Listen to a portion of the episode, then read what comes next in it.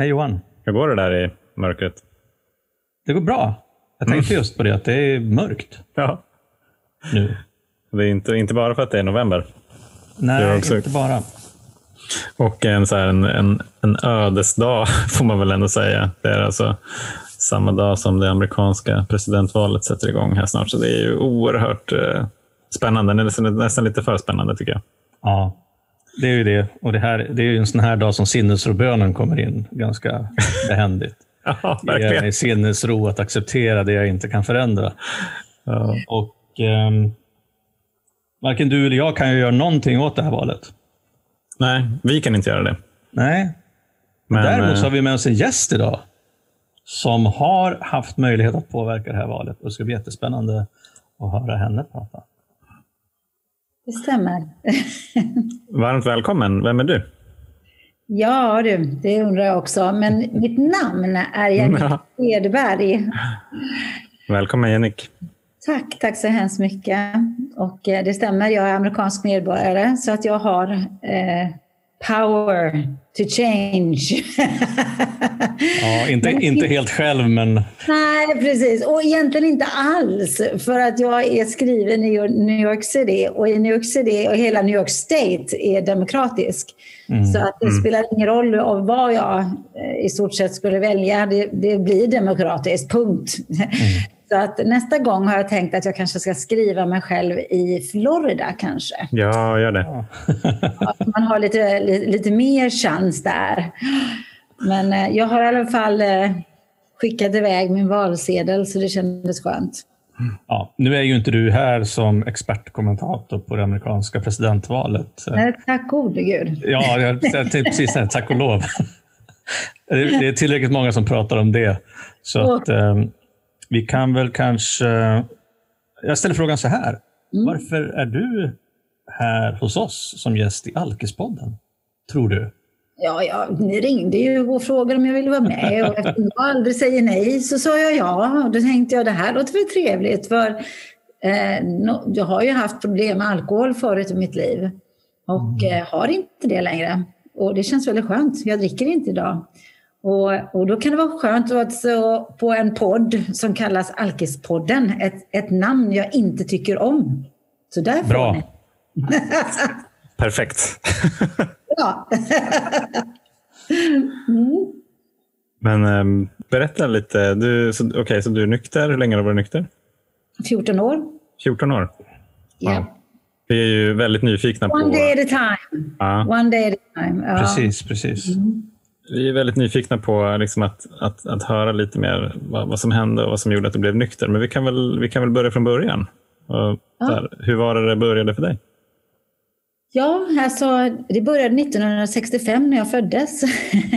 och då, då föddes jag in till en familj som är helt fantastisk. Som båda föräldrarna var eh, psykologer och terapeuter. Och det är väldigt trevligt att ha föräldrar som hela tiden eh, vad ska man säga, använder sina barn som eh, försökskaniner i olika nya eh, modeller och metoder såsom eh, dramaterapeuter och gestaltterapi och målarterapi och det ena och det andra. Så att vi, eh, vi eh, pratade i att röra på oss, dansa. Och vi pratade i färger hemma hos mig. Och det var väldigt underbart. Jag, jag själv tyckte det var en väldigt härlig uppfostran fast det känns väldigt konstigt när man går till skolan och någon frågar hur är det med dig? Och du säger ja, lila. Och de förstår ingenting. Eller att jag gör kanske movement av något sort och de tycker jag är jättekonstig. Så att ehm, eh, när jag var 11 år så tog jag livet av min mamma. Och eh, det här har jag trott i hela mitt liv eh, tills jag hittade ett brev från henne där hon tog, när hon tog livet av sig så hade hon skrivit ett brev och jag hittade inte det förrän jag hade varit nykter många, många, många år. Och där det faktiskt inte var mitt fel utan det var andra omständigheter givetvis och hon hade mentala problem och sådär. Men som en 11-årig liten flicka eh, och tro att jag tog livet av henne plus att vi bodde granne med ett fängelse. Det gjorde inte saken bättre. Och eh, för mig, där började min, förstår jag nu, där började mitt beroendeproblematik. Och det, och, och det var att jag hade så ont i mitt hjärta och jag hade sånt tryck i mitt bröst över att jag inte kunde berätta detta för någon. För då skulle jag sättas i fängelse. Och i mm. fängelset så skulle jag då kunna se min, mitt hus med mina, min familj. Liksom så såg jag det framför mig. Och jag skulle sitta där och gråta i fängelset medan de levde loppan. Så att jag började skära mig själv. Och, och, det var just det här med att, att huden gjorde ont eller håret gjorde ont eller kastas in i en vägg eller något sånt där. Den känslan var en känsla jag kunde ta hand om. Den känslan kunde jag skrika ut aj. Den, den känslan kunde jag fråga hjälp mig, sätt på ett plåster, jag kunde gråta. Men det som gjorde så ont i hjärtat, det kunde jag inte fråga om hjälp.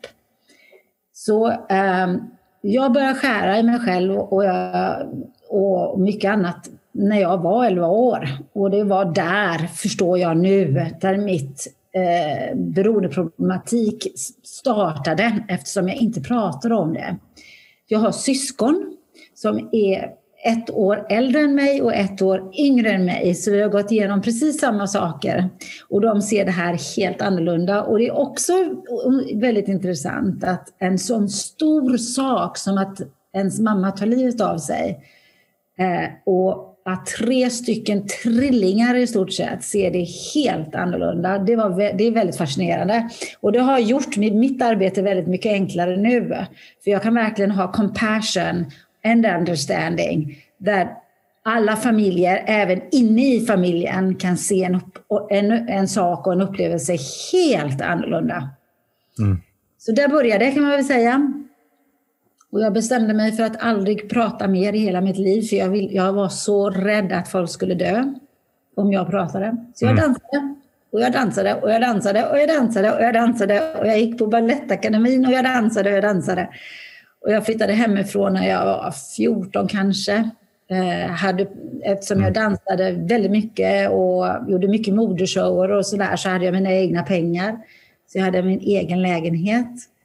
Och eh, nu tar jag en jättelång story, väldigt short här, men jag träffade en, en man eh, som jag bara liksom sådär wow. Och eh, det här var på ett ställe som hette New Jackie i Göteborg. Så ni som lyssnar på det här som är i min ålder kommer skratta lite gott sådär. Ja, New Jackie. Eh, och där träffade jag en man och i slow motion eh, som i en movie så pekade han på mig och så vinkade han till sig mig och sådär i slow motion så liksom öppnade sig dansgolvet. Precis som Jesus, så där, liksom, vattnet öppnade sig. Och så I slow motion gick jag fram till den här människan och liksom, så säger han på amerikanska, Hey, what's up? Och jag tänkte, oj, oj, oj, det här är en amerikansk kille. Jag tänkte att han var från Stockholm, för han var väldigt snygg nämligen. Och det fanns inga snygga killar i Göteborg just då. Mm. Så, Ja, det stämmer. Så att eh, jag tänkte, det här var ju min lycka. Då kunde jag komma upp till Stockholm och, och, och bli eh, balettdansös i Stockholm. Det var mitt stora hopp då. Men den här killen var ute och turnerade med ett litet band och han frågade mig, vill du följa med? Och jag har aldrig i mitt liv lärt mig att säga nej. Det var någonting vi inte mm. gjorde i min familj. Man sa ja till allt. För säger du ja så får du lov att uppleva saker som du sen kan säga nej till. Men, men gör det i alla fall. Det är ungefär som att, att smaka på någonting som är nytt. Smaka på det så kan du spotta ut det ifall du inte gillar det. Så var mina, mina föräldrars metoder. Liksom. Säg ja till allt, så kan du bara backa sen. Så när han sa då, vill du följa med på turné? Så säger jag ja. Då var jag 16 år. Och det här lilla bandet hette Bruce Springsteen. Och jag visste ingenting om det här lilla bandet, utan jag var en Donny Osmond-fan och hade ingen aning om vem Bruce var och stack på turné med då, jag förstår ju nu att det här kallas för um, tjejer som hänger med på stora band. Um, groupies, groupies. groupies. Men det fattade inte jag då, jag var 16 år, jag var ju helt grön. Uh, men jag, jag blev jättekär i den här mannen och han blev jättekär i mig faktiskt och kom tillbaka till Göteborg när um, turnén var över. Det fanns ju liksom inte cellphones eller mobiler och sånt där mm. då. Det fanns knappast telefon tror jag. så han kom tillbaka och så bodde han med mig tills mitt eh, kontrakt på Stora Teatern var, var klar. Och så stack jag till New York med honom och där började mitt liv kan man väl säga. För han gav mig ett American Express-kort och så sa han Have fun och så åkte han på turné. och då hade jag varit i New York i två dagar. så jag visste absolut ingenting. Mm. Och jag kände liksom, wow, vad gör jag nu? Så ungefär. Så jag eh, tittade då i telefonkatalogen upp en dansstudio. Och där gick jag och eh, där hängde det en lapp som det stod att de skulle göra audition för eh, någon grupp. Och tänkte jag, men det är, nog, det är nog bra om jag gör en audition så jag vet hur det går till. För jag skulle väldigt gärna vilja bli en katt på Cats on Broadway. Mm. Mm. Ja, precis. Lite svenskt och så, lite cat. Så jag gjorde den här audition och eh, fick jobbet tyvärr. Och, jag blev en. Ja, jag blev en kokosnöt. Jag blev ingen katt, utan jag blev kokosnöt. Ja, i en grupp som heter Kid Creole and the Coconuts. Och den var väldigt känd. När jag kom in 1985-86 så hade de haft sina guldplattor som man hade då och var jättekända. Så att min introduktion till musikbranschen det var verkligen sådär här har du din hairdresser, här har du din eh, account manager, här har du din bodyguard, här har du din eh, si och så. Liksom. Jag hade 15 stycken människor som jobbade för mig. Och här har du ju drug dealer, så ungefär. Mm. Mm. och så stack vi på turné. Vi var på turné i tio år. Oj, jävlar. Ja, och det finns så mycket jag skulle kunna säga de här tio åren och så mycket jag varit med om. Eh, men det får, det får ni faktiskt läsa er till. För det har jag skrivit en biografi om. Men det innehöll då hur man gjorde förr i tiden så åkte man runt eh, i, vi kallade det liksom jazzfestivaler, fast det var ju inte jazz kan man säga. Det var David Bowie, det var U2, det var Prince, det var Madonna. Liksom så här. Men alla åkte tillsammans. Så det var liksom eh, så att eh, de som kom och tittade på oss, de fick ju se alla på en gång och det var sån här heldagar av musik. Alltså det var ju, och alla droga och alla liksom låg med alla. Och alla det, var, det var liksom den tiden, 80-talet, det var innan aids hade kommit. Så att det mm. var verkligen, jag, jag, är väldigt glad att jag fick vara med om just den eh, sättet att turnera, för jag tror inte de gör det längre. Så jag lärde ju känna, min, mina kompisar blev ju liksom David Bowie och U2 och liksom de som var 80-talet då. Och, och, och, så blev man ju väldigt skyddad. Man umgicks ju inte med vanliga människor då, utan bara tillsammans med dessa kändisarna. Eh, och då är ju det, man blir introducerad till allt. Du får allting gratis. Du får varenda drog du vill gratis. Du får varenda dricka gratis. Alla vill ju vara med dig. Alla vill ju att du ska komma på deras klubb, deras disco, deras vad det nu kunde vara. Och jag, eh, första gången jag prövade kokain så var det en polis som gav mig det i Brasilien. Och när en polis gav det till mig så tänkte jag men det här kan jag ju göra, så det gjorde jag. Mm. Eh, och tyckte det var väldigt trevligt. Men jag, eftersom jag hade en, eh, jag har en ballettbakgrund så var jag väldigt sådär när jag står på scen så ska jag vara nykter. Så det, det, jag tror det räddade mig väldigt mycket att jag hade balletten i bakgrunden. Ehm, så då under de här tio åren så var jag inte beroende. Jag kunde sluta. Jag drack mest av alla, jag dansade mest av alla, jag var alltid naken. Jag vet inte hur jag och när jag liksom sov över hos någon. Eller så här. Det var väldigt kaotiskt. Men jag hade inte den där suget, det där måstet. Det kom sen. Mm. Och vad som hände då var att när, eh, efter tio år så kände jag att jag inte orkade mer. Min kropp orkade inte mer. Och då var det en annan man givetvis som kom och sa till mig att du, du är ju skitfräck och jättesnygg och det ena och det andra. Ska inte vi öppna ett konstgalleri ihop? Hur gammal var du här ungefär? 21. Då var jag 21 år gammal och då tänkte jag, ja men det är klart jag ska göra. Jag säger ju alltid ja. Så att, och jag vet ingenting om konst. Jag vet inte ens hur man eh, liksom spell Picasso. Det var liksom eh, nothing, absolutely nothing. Men ehm, eh, jag sa ja och det var jättekul. Så vi öppnade, vi öppnade en, ett galleri i New York och ett galleri i Hongkong.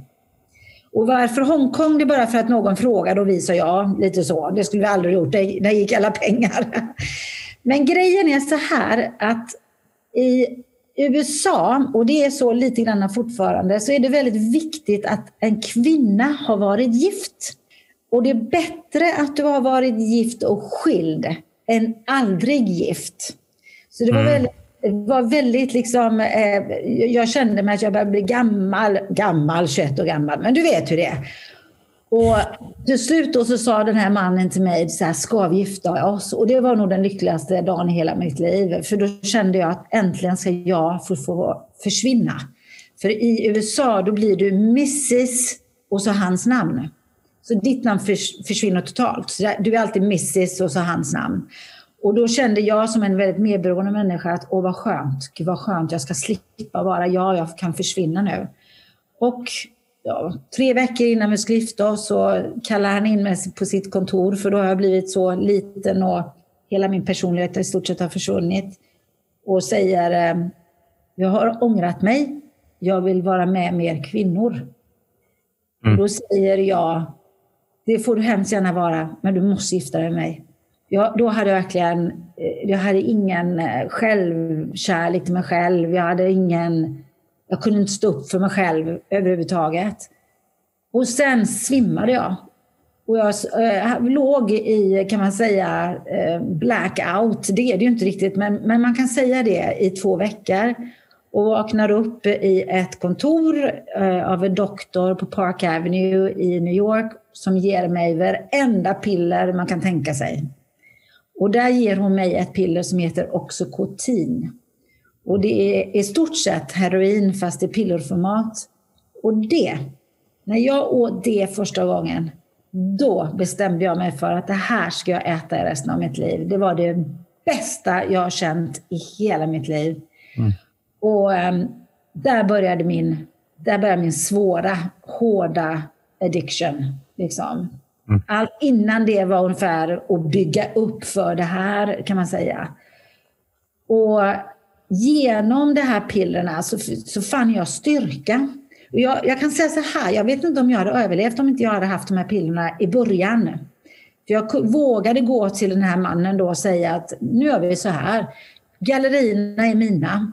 Det är mina pengar vi öppnar dem för. Du kan få vara ansiktet utåt, du köper mig en lägenhet, du köper mig en bil och liksom sådär. Och han gjorde allt jag sa, för jag var verkligen nu, nu var jag hård liksom. Men sen gick det utåt för att eh, ni som lyssnar på det här och ni vet hur fort det där kan gå.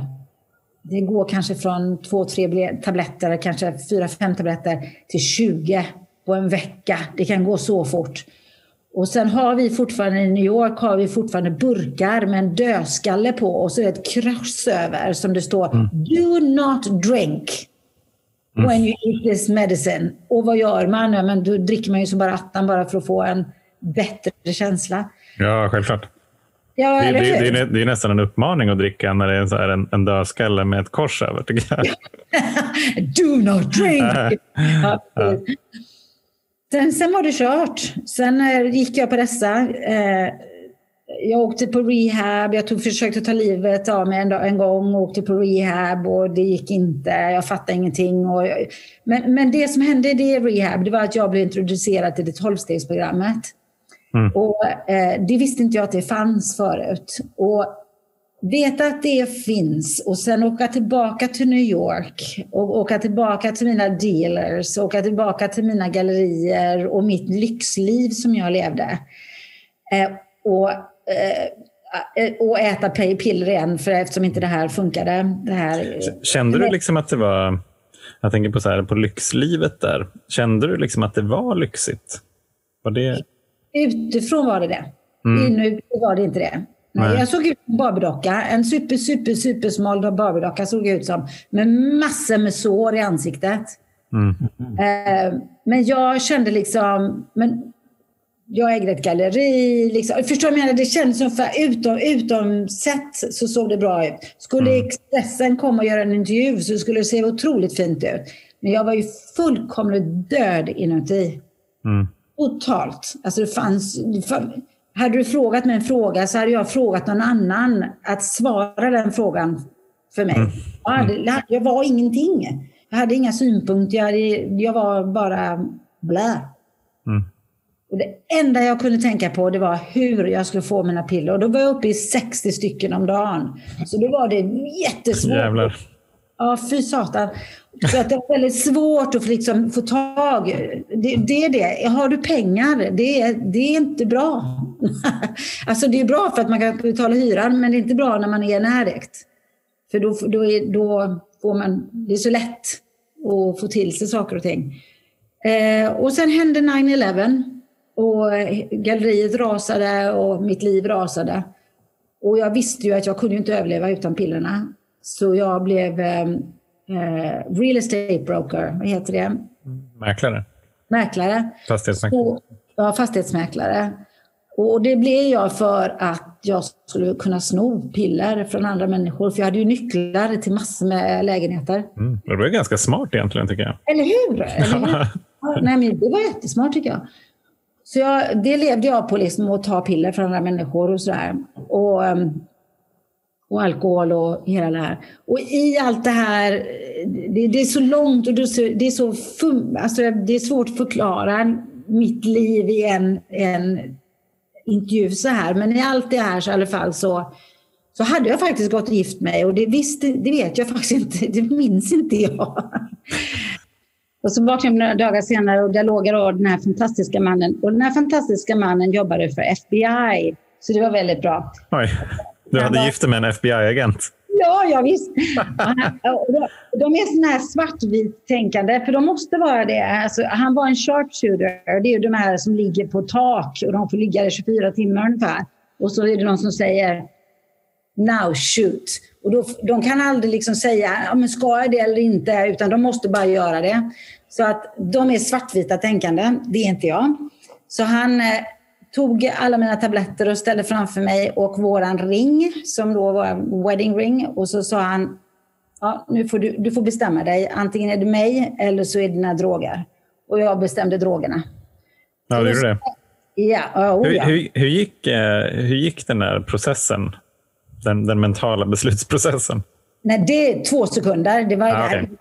Jag trodde inte ens på honom, för jag tänkte liksom, nej då, han kommer inte göra slut med mig. Du vet, sådär.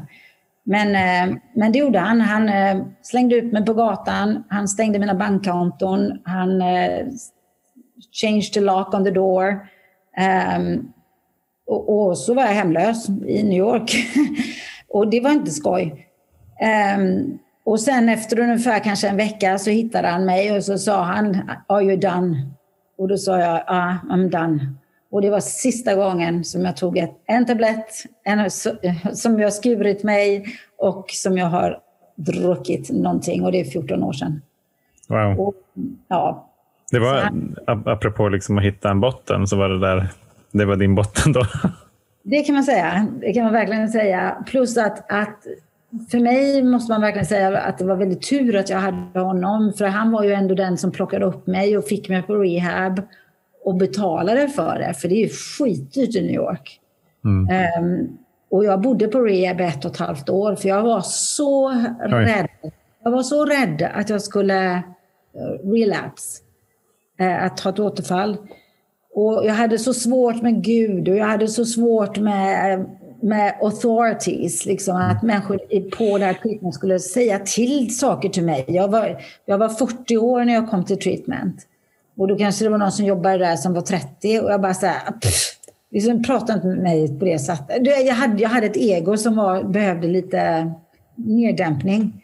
Men du, jag, tänkte, jag tänkte på en sak. Alltså, när du slutade där då, om du hade tryckt i dig, låg på 60 piller om dagen, det måste ju varit en withdrawal som var ganska Ja. jobbig. Det var den. Det var tre veckor låg jag på withdrawal. Och då, I USA, om du åker på ett bra rehab, så gör de det väldigt långsamt och väldigt bra. Ja, så då, Så att- du, då trappar man ner, eller? Ja. Okej. träff- Men, men de, det, där, det där är de duktiga på om, man hittar de rätta doktorerna. För att visst, det gjorde ont och jag hade många hallucinationer. Hallucinationer? Ja. Thank you. Och liksom sådär, men inte alls som jag varit med om förut. Inte, de hjälpte ju till och de hade massage där som masserade mig och liksom sådär. Så att det var på ett helt annan plan kan man säga. Och, men det tog tre veckor så att det tog väldigt lång tid för mig jag var så fruktansvärt smal också så att liksom, drogerna satt liksom i skelettet på mig nästan kan man säga. Så att, um, Fan. ja, det var inte lätt. Men du, du, du sa att, du, att, att det var bättre än tidigare. Hade du försökt, eller var det när du var på rehab tidigare?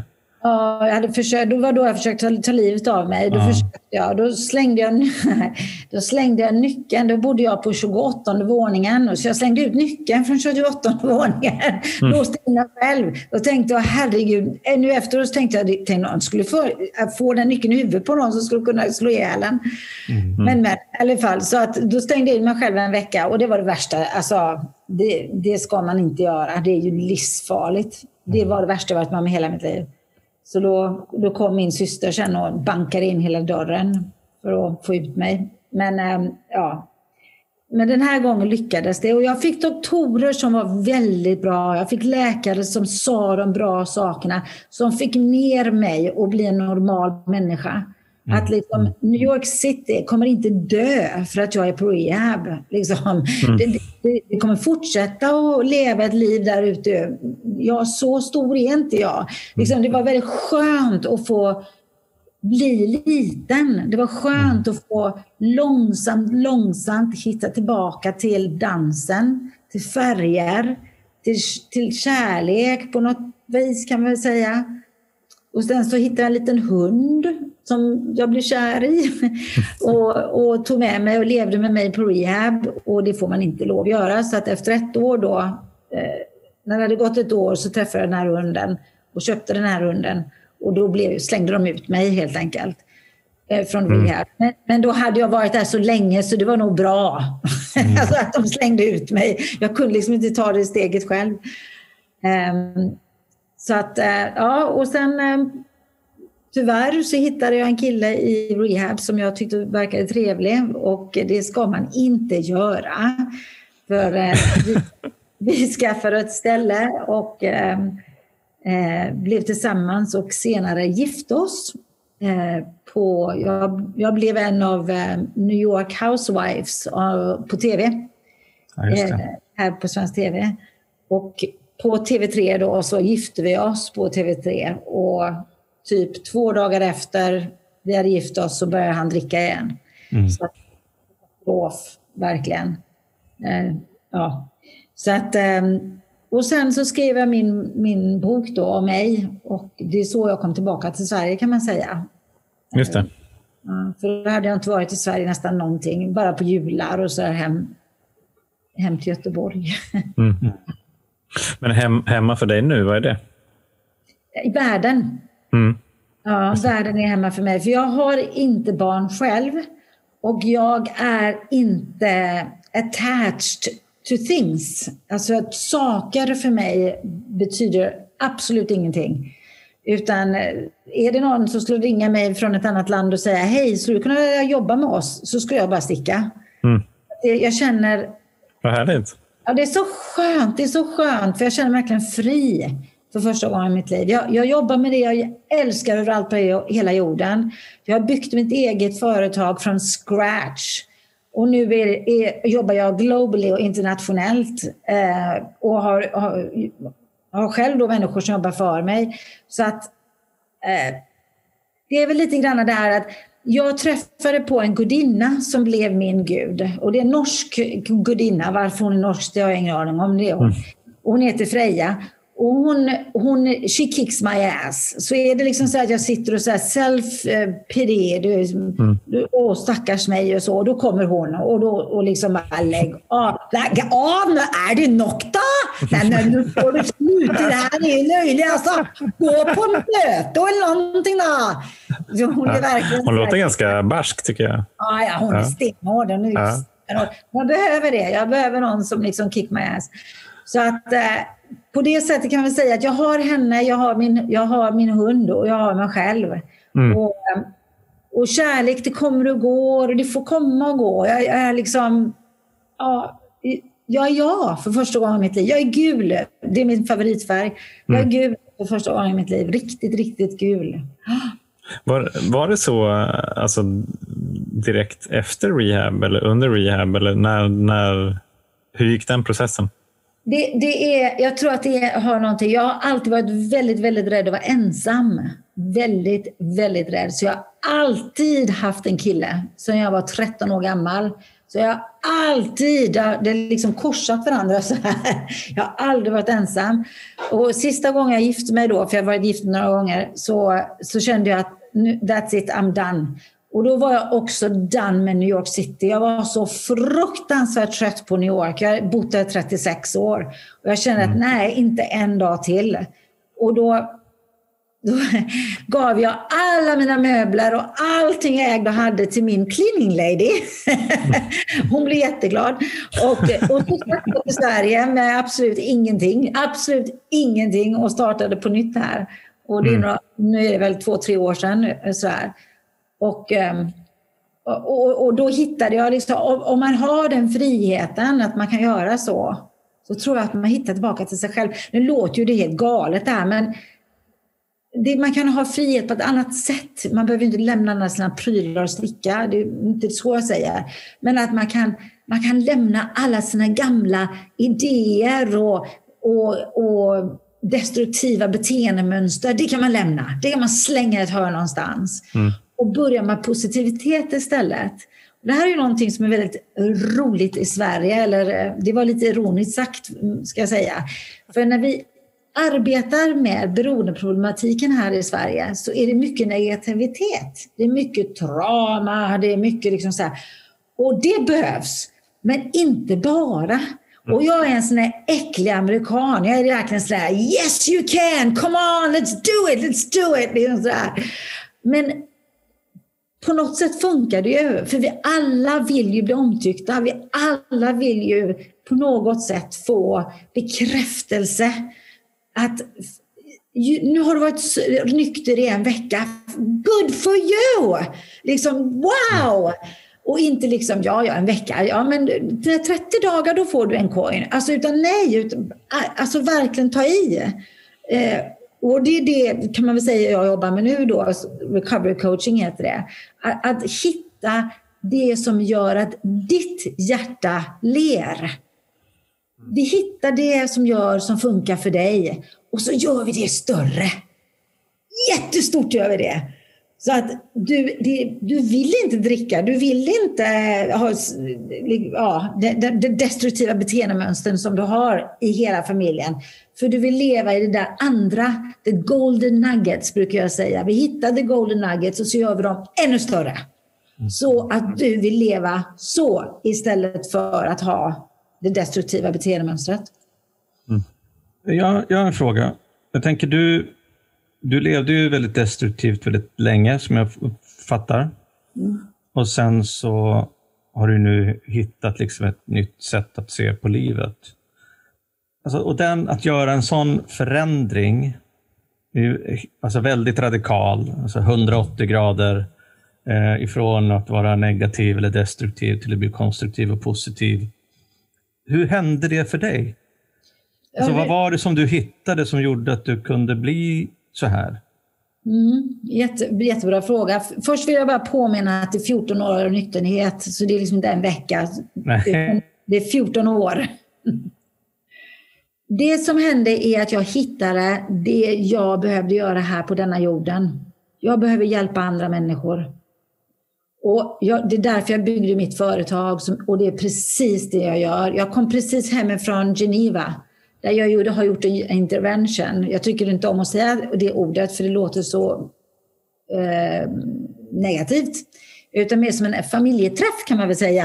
Mm. Där man hjälper då the person of concern till treatment, vad det nu är, för det kan ju vara vad som helst i en familj, eller hur? Familjerna har ju ofta svaren om man bara lyssnar. Så att eh, jag har precis varit där i Geneva och jobbat med det. Jag ska senare till Japan och jobba med en japansk familj. Jag var precis i Oman och jobbade med en muslimsk familj. Alltså det här är ju så, ni kan ju bara förstå, det här är det bästa som finns. Att få åka runt hela världen och hjälpa andra och utbilda andra att göra det jag gör. Jag börjar en kurs nu på fredag blir det. Där vi både är amerikanare och svenskar och engelsmän och holländare och så, här, så att vi har eh, vi börjar ju så att amerikanerna kan vara med så att de inte är, sover och sådär. Så att, och så, så kör vi de här kurserna och så får de ut och jobba. Så det blir liksom en sån ripple effect av det jag gör. Så att den radikala skillnaden för mig var att, jag, att hitta det jag som gör att jag ler varje dag.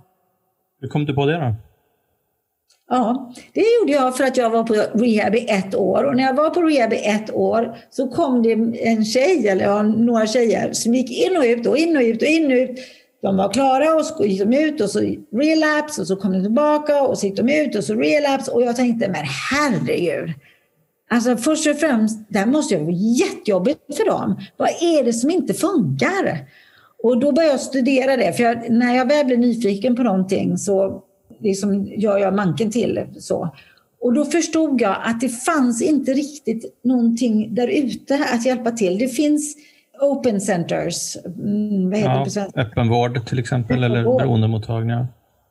Men du måste ta dig dit. Det är dina ja. fötter som måste ta dig dit. Eller Och det är skitjobbigt, det kanske man inte alls vill. Då gör vi precis tvärtom. Bing! Vi kommer till dig.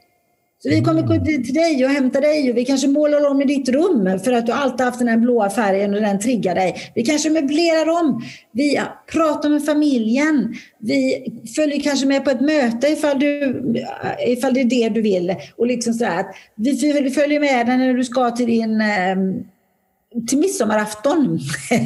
Eller om du ska ut till Atlantic City och du har gambling issues. Liksom. Vi är där. Vi är nästan som en försäkring. Så att när suget kommer, när the triggers kommer, då är vi där så att vi kan hjälpa dig igenom det så det blir lättare och lättare och lättare och lättare. Det är ett, det är ett sånt fantastiskt arbete. Och så är det ju såklart att jag hittade min gudinna. Det var ju helt fantastiskt och det har hjälpt mig. Hur länge har du haft henne vid din sida? Sen rehab. Jag träffade henne på rehab. Ah, okay. Ja. Jag den, den norska gudinnan. Ja, det är så här nämligen när min mamma dog, när hon tog livet av sig, då bestämde jag mig för att läsa teologi. För jag tänkte att Gud finns inte. Så när jag var ute och turnerade med Kid Creole and the Coconuts så läste jag teologi. Så att jag väldigt smart kunde berätta för er att Gud inte finns. Mm. Så när jag kom på rehab, det andra rehab då, det som funkade, så var, hade jag en terapeut som sa till mig, nu säger jag det här på engelska. Oh wow, how does it feel to be angry at something that doesn't exist? Mm. Och då tänkte jag, oh my god, här har jag suttit i tio år på turnébussen och liksom läst teologi för jag är så arg. Och är jag så arg då så måste det finnas. Och då dumpade hon ner den här norska gudinnan. Och det var väldigt tydligt, jag såg henne väldigt tydligt. Och var liksom, Nå, nu är det nog. Nu börjar vi. Nu går vi tillsammans. Så här liksom. Det var jätteskönt, hon var helt underbar. Så hon är med mig överallt. Vad heter det? Var det, var det också tolvstegsbehandling på rehab? Ja, de kör ju inte riktigt. Det heter Minnesota-behandling om det är ah, center. Ja, precis. Tolvstegen är ju gratis, eh, så det ska vi inte ha på treatment centers, utan mm. det är Minnesota-modellen då. Så det var det bland annat. Mm. Men mycket traumaterapi, mycket annat också.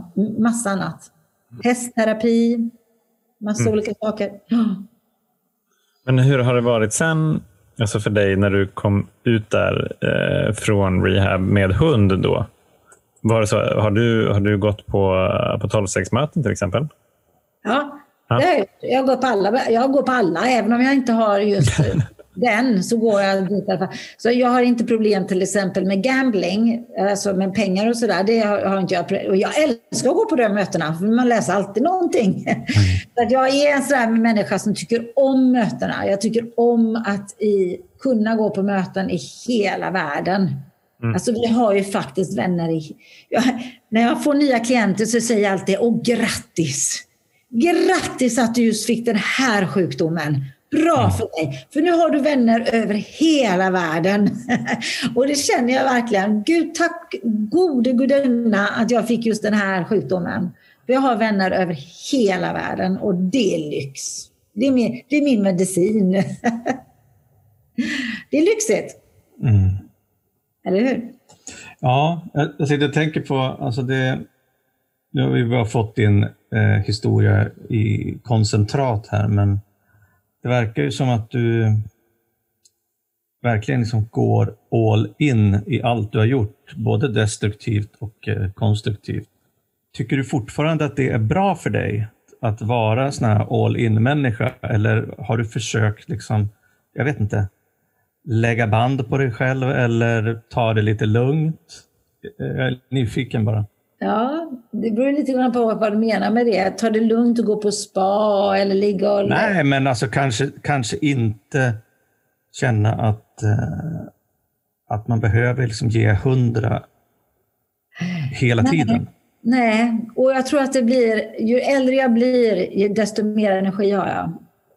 Jag, jag tror att det är liksom, nu, nu känner jag liksom, okej, okay, nu är jag så här gammal. Då, jag, jag, är mer mot döden än mot födelsen om man säger så. Mm. Så det är lika bra att leva loppan hela... hela mm. så att, och det är det är bara det är min energi och det är just det jag är. Liksom. Det är bara sån, sån som jag är. Det är klart jag kan ta det lugnt och sitta och ha det mysigt och skönt jag också. Men ehm, men jag älskar det jag gör så mycket så att det liksom, jag saknar ju att få göra och vara med människor och få göra det jag gör mm. när jag inte gör det. Har, du, har det påverkats mycket av corona för dig? Ja, vi, allting är Zoom now. Mm. Så, så, alla mina eh, studenter när jag, när jag teach då, allt är på Zoom. Mm. Jag ser privatklienter ser jag faktiskt eh, här i Göteborg eh, one on one fortfarande. För vi ska ju sitta långt ifrån varandra. Ja, just det. Mm. Så det gör jag fortfarande. Och det har bara blivit mer och mer och mer och mer för corona.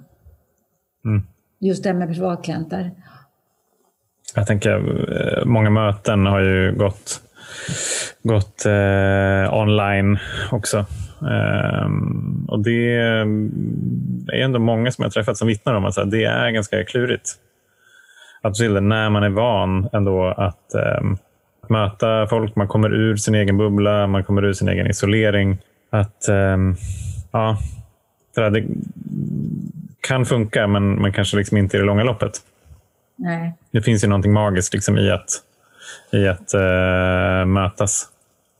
Det, jag håller absolut med dig. Det, jag, det är många som är, blir ensamma, depressioner, mental ohälsa kanske tar ett återfall eller hittar en annan eh, addiction eller substance use. Så att eh, ja, det är mycket mentalt tror jag det här med covid. Människor är mm. väldigt ensamma. Mm. Och vi, vi är flockdjur, vi vill ju vara ihop. Mm. Mm. ja, men det, det märks ju. Jag märker det på mig själv extremt tydligt. Mm. Det är i och för sig en ganska skön, så här, skön grej att landa i kan jag tycka. Mm. Att så här, ja, men då, då vet jag att det är så. Eh, och jag vet vad som är viktigt. Precis. Precis. Nu, nu har vi ju det väldigt lätt här i Sverige. Vi har ju, mm. säger ju liksom, man tvingar ju inte folket till någonting, utan man bara suggest. Mm. Vi har ju vänner i Italien, Spanien och USA och så här, där det verkligen är de ska, liksom, annars åker, åker de på en fine. Mm. Eh, det är ju en helt annan grej då. Där, där måste du ha mask på dig. Du måste liksom så här. Och då kan man landa i det också. Att ja, okej, nu, nu måste jag sitta hemma. Så att mm. Eh, det, här, det här som vi gör här i Sverige tror jag är lite farligt. Även om jag förstår det och att vi lyder. Vi är väldigt snälla människor här i Sverige. Vi lyder ju vad de säger oftast. Eh, men jag tror ändå att det kan vara rätt farligt att vi inte har de här maskarna, då, munskydden och så på oss. Men det är mm. bara min egen åsikt. Jag läste, jag är med på några här, ja, internationella Facebookgrupper om, om recovery. Och eh, Jag vet att det var någon som hade så här, klagat på att ja, men när jag kom till det här mötet så ville de att jag skulle ta på mig en mask och att Eh, registrera mig för smittspridning eller smittkontroll. Och det tyckte man ju inte alls att man ville göra, att man vände i dörren. Och det där är ju klart att det är ju en avvägning. Mm. Alltså det är, vi, vi pratar om två dödliga sjukdomar. Mm. Alltså beroendesjukdomen och ett, ett virus. Då är frågan om vilken ska få ta, liksom, vilket ska gå före. Mm. Och det är ju jättesvårt. Ja. Jag menar visst, jag kan tycka att anonymitetsprincipen och att jag behöver gå på möten är otroligt viktigt för min egen nykterhet. Men det kan också vara farligt för mig och det kan också vara farligt för andra människor. Precis, precis. Ja, du, har, du har absolut rätt i Roger, just det här med att vad är viktigast? Ja, det är jättesvårt. Eller hur? Ditt beroende eller en annan människa och din hälsa. Ja, visst. Jag menar, vi har haft i vår hemmagrupp här nu också diskussioner och vi har, vi har inte stängt ner några möten alls. Mm. För att vi tycker att det är så viktigt. Men samtidigt kan jag tycka att på ett sätt är det fantastiskt därför att det har varit ett av de få mötena som har rullat hela tiden. Men det är också ganska själviskt. Ja. På ett sätt. Är det någon som har blivit sjuk? Vet du det? Ja. ja, faktiskt förra veckan så var det en kille som hade blivit eh, lite dåligt testat positivt senare i veckan. Efter att ha varit på möte. Så att, eh, det är eh, men det är knivigt det där. Alltså jag tycker att det är själv svårt. Jag vet inte själv riktigt vad jag, vad jag tycker om det. Alltså jag vet inte vad jag tycker själv är viktigast. Nej. Och det är lätt. Jag menar, jag är ju en nykter alkoholist. Jag är ganska nära till att vara självisk fortfarande. efter. Jag ligger ju ett år efter dig, jag är ju 13 år. Jag kan också tycka så att ja, men de här restriktionerna och råden, äh, det gäller inte mig. Jag kommer inte bli smittad, jag är inte sjuk. Klart att jag måste få gå på möte. Ja. Eller åka tunnelbana, eller vad det nu är. Alltså, så att, och jag får jobba med mig själv lite grann i det här och har faktiskt fattat beslut nu, sen det där mötet, att nej, men nu ska jag liksom självisolera mig i två veckor. Därför att, bra, bra. För att ta, jag måste träna också på att ta hänsyn. Ja, precis. Man får ansvar. Ja. Mm. Ansvar och hänsyn, absolut. Du sitter med ett glas vin framför någon som precis har eh, slutat dricka. Mm. Det har man inte gjort. Det, det, är så här, ja. Du är tvungen att gå på möten nu och, och kanske smitta andra. Ja, det är knivigt. Online.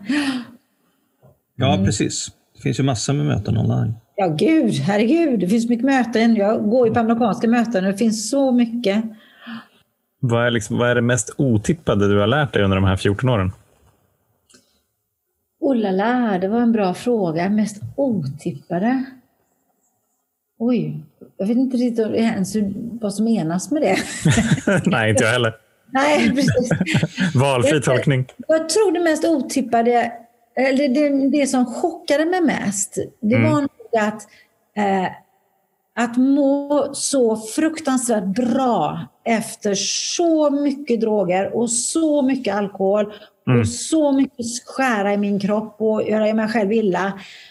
Och kunna förlora allt, alltså ge bort allt jag ägde och hade och den fri, frihetskänslan. Att det funkade, det, mm. det tror jag är det mest otippade. Och jag måste också säga att varje morgon så är jag lika chockad att jag inte vaknar upp och är hangover. Alltså jag är, det är, varje morgon så är det så här, wow jag är inte bakfull, det är inte klokt. För jag var alltid bakfull. Alltså det fanns inte en dag som jag inte var bakfull. Eller var inte ens full. Jag skakade för jag behövde tabletter fort som attan. Mm. Men eh, liksom, det, det, är verkligen varje morgon, efter 14 år, så är det verkligen så här, wow. Det där, är ju, det där är ju verkligen att vara nära det som var ohanterligt. Ja. Liksom när vi tänker första steget, liksom att våra liv hade blivit, att vi är maktlösa och att våra liv hade blivit ohanterliga. Ja. Och det där är ju så här, när jag glömmer bort det, ja då är jag liksom ute på någon tunn is. Ja. Men så det är ju det är på sitt sätt ganska lyxigt att vakna varje morgon och bara wow, jag är inte bakis eller inte skakig för att jag måste ha mina tabletter. Precis. Och, och det är därför jag säger att det här är faktiskt den bästa sjukdomen man kan ha. Mm. för att det är sina... ja, på ett sätt är det ju så, jag håller med. Ja. Men jag tänker, på det, jag tänker på en grej du sa tidigt i din berättelse, det där just om till exempel det här med din, din, din mamma och det här brevet som du hade hittat och att du hade lärt dig saker liksom många år in i nykterheten.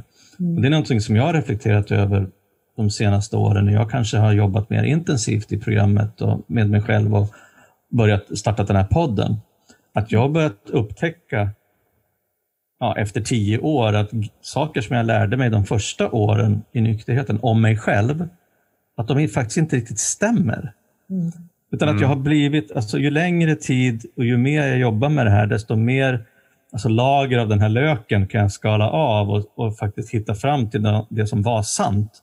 För att när jag började jobba med i stegen ja, första året efter nykterheten, jag tror inte ens att jag hade förmåga att fatta vem jag var liksom, tidigare.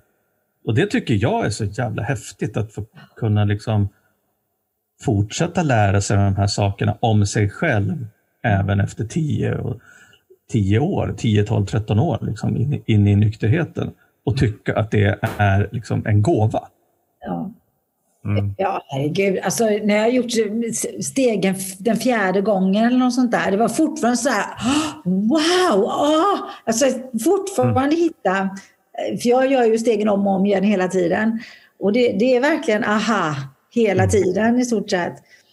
Det var någonting också som jag tänkte på som också gjorde en väldigt stor skillnad för mig när jag blev nykter, när jag precis blev nykter, när jag mådde väldigt dåligt.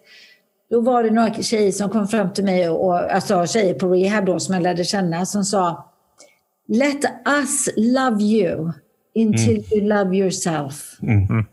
Och det, jag blev så chockad. För jag, tänk, jag har alltid trott den här, det här sägandet att du måste älska dig själv innan du kan älska någon annan. Mm. Men de sa precis tvärtom. De sa låt oss älska dig tills du älskar dig själv. Och det har suttit, det sitter fast i, i uh, mm. mig. Och det är någonting jag säger till mina klienter när de mår som värst. Liksom. Det är okej, okay. låt mig ta hand om dig och älska dig tills du ta, ta hand, kan ta hand om dig och älska dig. Mm. Det är så vackert. Det är så ja. vackert. Så det är någonting också jag behöver säga var en sån här aha-grej. Liksom. Jag behöver inte älska mig själv. Jag, jag, jag kan vara jätterutten ibland. Och ändå så finns det folk som älskar mig. Ja. Mm. och det är väldigt fint. Ja, det, där, det är roligt att du sa det där, för att jag, alltså, den sponsorn som jag har nu, han sa det. Han brukar också säga det. Just det där alltså, till nykomlingar eller, eller liksom, om man känner sig dålig. Liksom. Men det är lugnt. Ja. Låt mig älska dig tills du klarar av att mm. göra det själv. Liksom. Mm. Och det är, första gången jag hörde det, jag bara... det låter lite jobbigt liksom, och pinsamt nästan, men, men okej. Okay. Mm. Det är ju fint. Det är jättefint ju. Visst är det? Ja. Ja, nej, det är, det är mycket som är bra.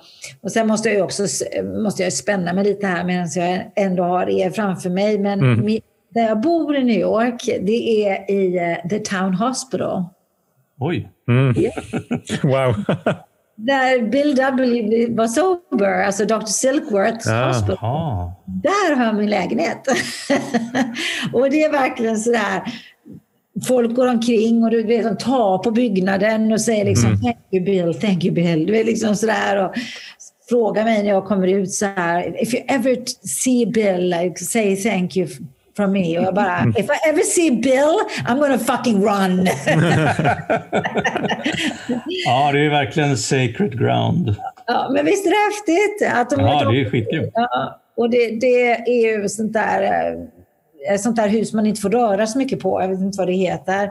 Så att eh, de har gjort om, om eh, salarna och liksom så till lägenheter. Men själva mm. byggnaden i sig själv ser ut som två svåra år. För de får inte lov att liksom göra någonting just för historien. Då. Ja. Men, men, när jag fick den lägenheten då tänkte jag, det var ju min gudinna som gjorde det här givetvis. Det är hon som fixade det här. Och, och då tänkte jag liksom så här, well, thank you för det här, jag kommer aldrig ta ett återfall i den här byggnaden. Det, var liksom, det kommer jag inte göra. Ja. bara för att förtydliga för de som lyssnar då att den Bill som Jannik pratar om, det är alltså grundaren, en av grundarna till AA. Mm. Som har skrivit den stora boken, ja. Alcoholics Anonymous. Ja, vad häftigt. Ja. Johan, kan du samla tankarna efter den här resan? Nej, jag vet inte. Jag bara, jag bara, tänkte på så här, om, om jag skulle bo där i det där sjukhuset och jag skulle ta ett återfall, där snackar vi liksom höjden av förnekelse. ja. alltså här, vad, vad är det som skulle ha behöva hända innan jag kommer dit. Det är, här, det är, det är ganska många, eller kanske inte behöver vara så många, men det är några liksom felsteg på vägen i alla fall. Ja. Det, är nog, det är nog en hel del högmod, tror jag. Det är nog en hel del... Eh, eller så här, både, så här, både jag klarar mig själv, jag behöver inga andra och eh, jag vill inte vara till någon belastning. Nej, precis. Stackars mig, stackars mig. Ja, precis. Eh, det, det är ingen som, som kan förstå hur jag har det, även fast det var någon som förstod hur jag hade det förut. Så är det nu ingen som kan förstå. Nu är det en helt unik situation, helt plötsligt. Ja, helt plötsligt, ja. Ja. Eh, nej, men alltså det är verkligen... Eh, ja, vi, vi brukar liksom prata om att nå sin botten och att liksom den där botten ser väldigt olika ut för, för olika människor. Ehm, Och man behöver inte nå någon botten. Man behöver inte göra det. Man kan få hjälp innan den där botten är nådd. Man kan få hjälp när det kallas alkoholproblem och inte alkoholist. mm, Har du alkoholproblem så kan du få hjälp. Så man behöver inte nå några botten. Och inte med droger eller piller eller sex eller shopping eller något, det heller. Utan det går. Det går utan att man åker till, hela vägen ner ja, det, är bara, det är väl egentligen bara frågan så här, hur villig är jag att göra en förändring? Det är väl egentligen det som är... För jag, jag tyckte ju själv liksom att jag nådde någon form av graciös kraschlandning, har jag liksom kallat det. Eftersom jag ju hade, hade kvar så mycket i mitt liv. Jag hade liksom kvar relation och jobb och lägenhet och sådär. Så bara, men det här gick ju ganska bra. Men, men det, var ju inte, det var inte så det såg ut inombords. Precis som du sa, alltså, apropå så här framgång eller vad, vad är lyxigt. Ja, Så kunde det se väldigt lyxigt ut, men det var ju så extremt tomt precis. inuti. Och så här, var rädd för precis allting. Jag var så rädd att allt det där skulle försvinna för att jag visste att jag var ingenting utan det. Och, och så, så att, att få följa med din resa liksom på väg ner mot den där botten som ju var liksom en, en annan botten än den jag har haft. Så här, lite, lite spännande och, och, och fascinerande och samtidigt väldigt, väldigt ödmjukande. Ja, ja. Eh, och att det är ju verkligen ett bevis på att eh, oavsett när du når din botten eller när du känner att du behöver göra en förändring, oavsett liksom hur långt ner du har kommit, så går det att studsa upp igen. Jajamensan. Och, Det är och- det ett och bevis på. åldern spelar ingen roll heller. Alltså, utan jag har ju väldigt många som är runt 15, 16, 17 år som är klienter hos mig. Mm. Som har trillat dit kan man säga, tramadol och det ena och andra. Och de kommer till mig och vi klarar oss ur det. Så, och jag tänker liksom så här, tänk om jag hade blivit nykter när jag var så här 20. Wow! Undrar vad jag hade gjort då. Fantastiskt. Istället var man liksom inte töcken i hela fram tills man var 40 istället. Så att eh, jag har jättemycket young adults som jag säger då, eh, unga vuxna kan man väl säga, eh, som inte behöver nå den här botten och som får fantastiska liv. Mm. Vad fint. Ja, det är det verkligen. Det är det verkligen. Det är bland det finaste som finns. Ja, jag, jag gjorde nästan tvärtom. Jag var, jag var spritfri mellan eh, 20 och 25. Wow. Eh, utan, utan program eller någonting. Och jag tyckte att så här, det här med att vara nykter, det var inget, det var inget vidare. Så att jag började dricka igen när jag var 25 till 35. Och då tänkte jag så här, nu har jag verkligen hittat meningen med livet här igen. Men det, det gick ju ett tag. Till- Tills det inte gick så bra något mer. Ja, precis. Alkohol löser upp allt. Ja, det är ju rent, rent liksom kemiskt ett lösningsmedel faktiskt. Precis. Ja, nej. Roger, vad tänker du? Jag tänker så här att eh, jag är lite inspirerad av det här med att säga ja till allting. Mm. Ja. Alltså, tänk vad häftiga grejer man kan ha fått vara med om då. Ja. Det, det är också, det är också någonting man säger i tolvstegsgemenskap, att man ska säga ja till, till att göra service och man ska säga ja till att hjälpa till och så där. Så att jag gissar att du har fortsatt med det.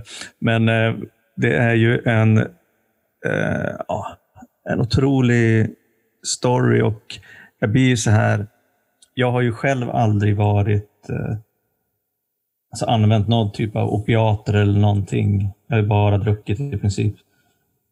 Jag är är också så skrämd över liksom det du, det du liksom berättar om, mm om eh, ja, men piller och det med intaget och mängden och också effekten det får på kroppen och, och hur svårt det är liksom rent kemiskt och fysiskt att liksom ta sig ur det där.